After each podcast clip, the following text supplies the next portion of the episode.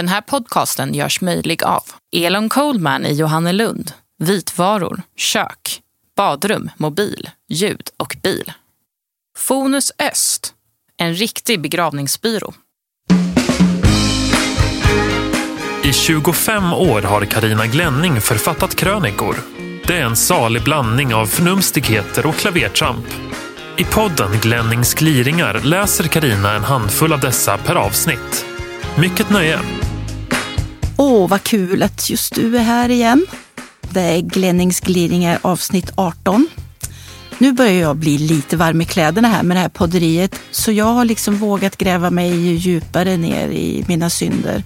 Jag sitter här med gulnade klipp från förra årtusendet, kröniker som jag skrev på 90-talet. Så ni får ta det vad det är. Det var en annan tidsanda och ett lite annat språkbruk kan man väl säga. En vrå av världen. Här stannar jag aldrig. Max ett år i Linköping, sen drar jag härifrån. Det verkar bara finnas JAS-plan, doktorspromoveringar, överklasskärringar och välgödda frikyrkor i den här stan. Och så en jazz och bluesfestival där 90 procent av besökarna är medelålders par i kostym och dräkt. Va?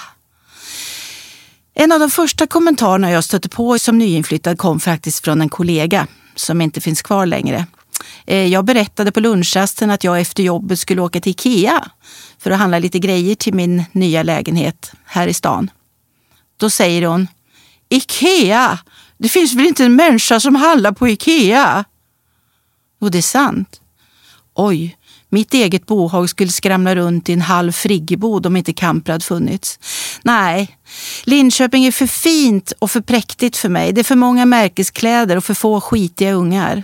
Inte en rufsig trädgård så långt ögat når. Och det når långt över den förbannade slätten med sina av sydvästan vindpinade träkrakar.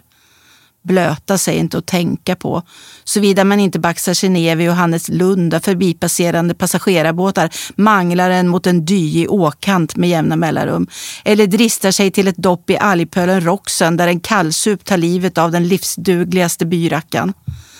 Alla andra dialekter är charmiga, men uschandigt får en finsk svordomssvada att klinga likt änglasång.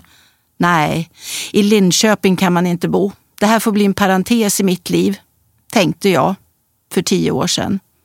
Nu har jag slagit mig ner inte långt från algpölen. Benhåren reser sig av slättens vidundliga ljus. Saltgurka är snudd på basföda och ungarna bräker rart på östgötska. Jag är urless på folk som klagar på stan och gläfser om avsaknad av hav. Men flytta då! Man skapar sig en vrå av världen. Min fanns en bit utanför stan. Där finns det gott om skitiga ungar och rufsiga trädgårdar. Jag tror rent av att jag ska ta och trilla av pinn här. Förhoppningsvis inte i dagarna och förhoppningsvis inte av en kallsup, men så småningom. Så kan det gå. Alla är vi tvestjärtar. Vad är det som fattas vuxna män? Är det något tjall med potträningen, störd papparelation, för liten snuttefilt eller vad då? Jag begriper det bara inte, men bögskräcken sitter där som ett spett i ryggraden på dem.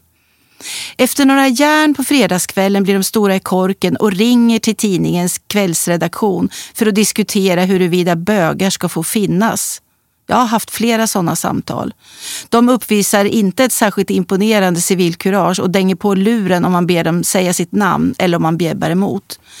Så här sa en hyfsat packad karl i 30-40-årsåldern nyligen. Har du blivit inne bög eller? Man kan undra eftersom var och varannan plötsligt får för sig att de är bögar. En småpackad kar i 50-60 års åldern sa så här. Fan, man vågar ju knappt gå ut längre. När jag stod i en korvkö kom en sån där fjant och gjorde anspelningar. Jag drog till fanskapet och tror inte det var mig snuten sydde in.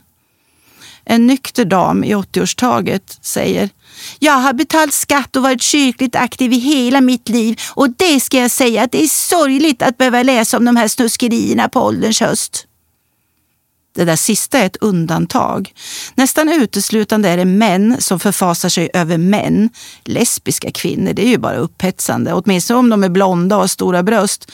Sådana intressanta uttryck kan skrevets seger över hjärnan ta sig. En inte oansenlig mängd karlar verkar på fullt allvar befara att de ändra dagen ska bli påhoppade av en bög. Varför då? För att de själva är fullständigt oemotståndliga? Eller? Ah, min kompis, min bögkompis Ronny, han har sin teori. Ingen av oss är 100% hetero. Man är 80-20, 60-40, 90-10 eller vad som helst. Ligger man nära kanten 50-50 då blir man rädd och i desperat försök att visa omvärlden att man minsann är en riktig kar så blir man de homosexuellas värsta belackare. Varför?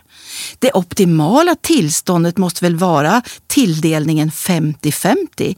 Eller att vara en tvestjärt som min gamla moster Asta brukar säga. Eller snarare min mammas moster Asta. Då kan man komma och snacka om mister du en står dig tusen åter. Och jädra vilka krogragningar man skulle kunna få till. Ja, det här med jämställdhet. Jämställdhet är ju lätt, åtminstone i hemmet. Det handlar om ren fördelningspolitik. Man skriver ner alla småsysslor och lägger dem i en korg. Man tjafsar en del, mutar, konspirerar, hotar och plockar sen åt sig det man gillar, det man halvgillar och det man inte alls gillar men ändå och under viss protest kan tänka sig att utföra. Varje gång partnern utfört en av sina pestsysslor ska han få hyllningar värda en enbent brädseglare till Sydpolen. Ofta beskylls männen för att norpa åt sig sysslorna av mer bestående karaktär som syns och därmed får uppskattning. Okej, grannarna kan ju gärna säga Åh, snyggt med ny färg på huset, men mera sällan Du är duktig du som hänger tvätt idag igen. Grannarna säger gärna strångt att bygga en veranda sådär på egen hand, men mera sällan Tänk att du med så påvra ingredienser snodde ihop en pyttipanna på bara en kvart. Bravo! Likväl väljer jag hellre tvätten än målningen, hellre pyttipannan än verandasnickrandet, hellre gardinbytet än däckbytet, hellre blomvattningen än gräsklippningen, hellre den nedbajsade tvååringen än snöskottningen. Ja, det där sista vet tusan förresten. Ibland finns det ingen möjlighet att välja och då får man bita ihop. Genetiskt nedärvt eller miljöpåverkan eller både och. Det är ganska ointressant. Ointressant så länge man delar någorlunda rättvist, gör det man är bra på och ger varandra ungefär lika många hurrarop. Ska jag rannsaka mitt liv kommer jag på en hel del sysslor som överhuvudtaget aldrig varit uppe till fördelningsdiskussion. Sysslor som mycket sällan inbringar jordskredsapplåder tömma råttfällorna, rensa handfats, disko och badkarsavloppen, byta tunnan under utedasset, stampa ihjäl den skadade fågeln som katten dragit in, sticka ner en pinne i ett rör fullt med bajs och kolla om septiktanken börjar bli full och behöver komma och tömmas. Ah, det är helt okej okay för mig och vi tar det lite lugnt med jämställdhetsiven där. Helt okej okay faktiskt.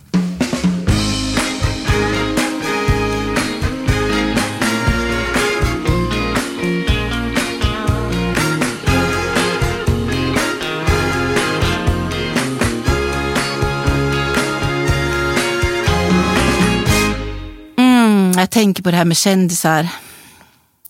Utseende och yttre maner är inte viktigt, inte på riktigt.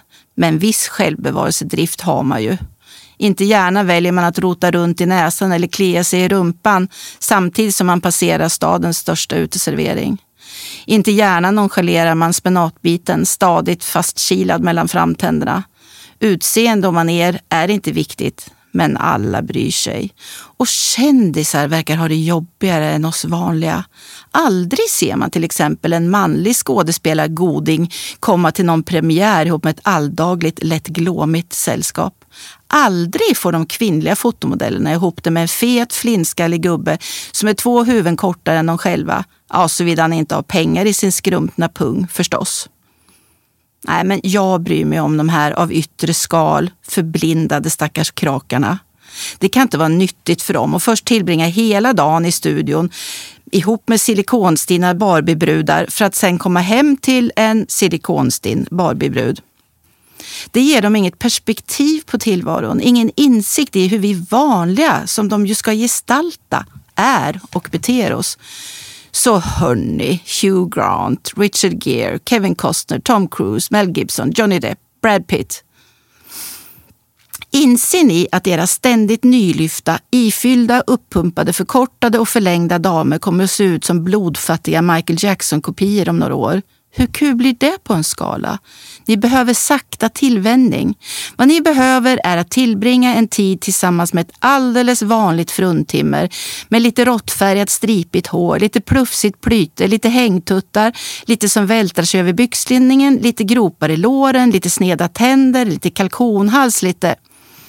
My extension number is 0046 13280161 and the best chance to reach me is Wednesday and Thursdays between 2.45 p.m. and 12.30 a.m.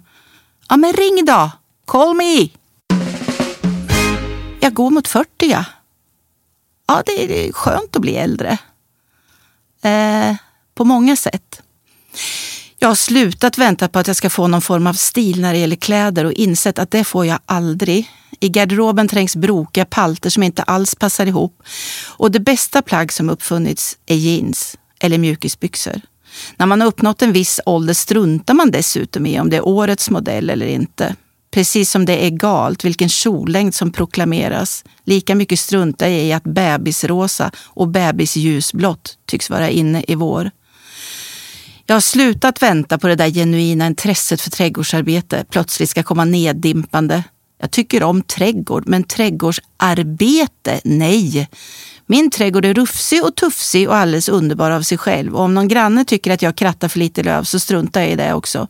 Överarbetade trädgårdar med idel raka linjer, nagelsaxklippt gräs och nätomgärdade buskar får mig att tänka på koncentrationsläger.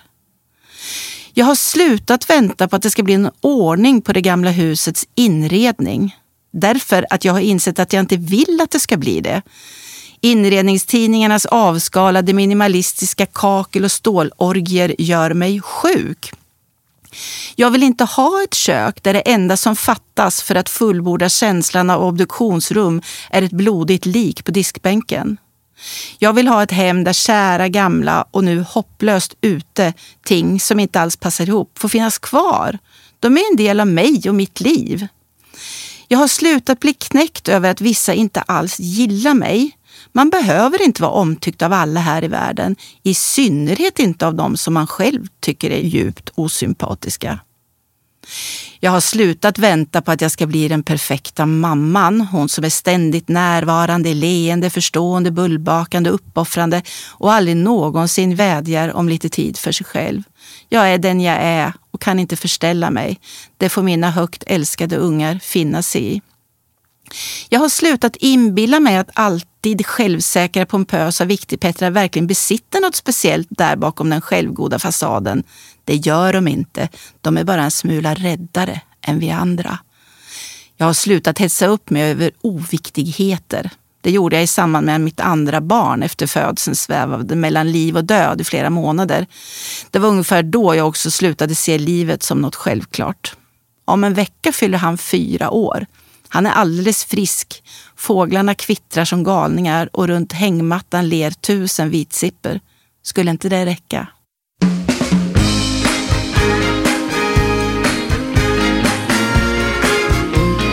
Du har lyssnat på Glennings gliringar.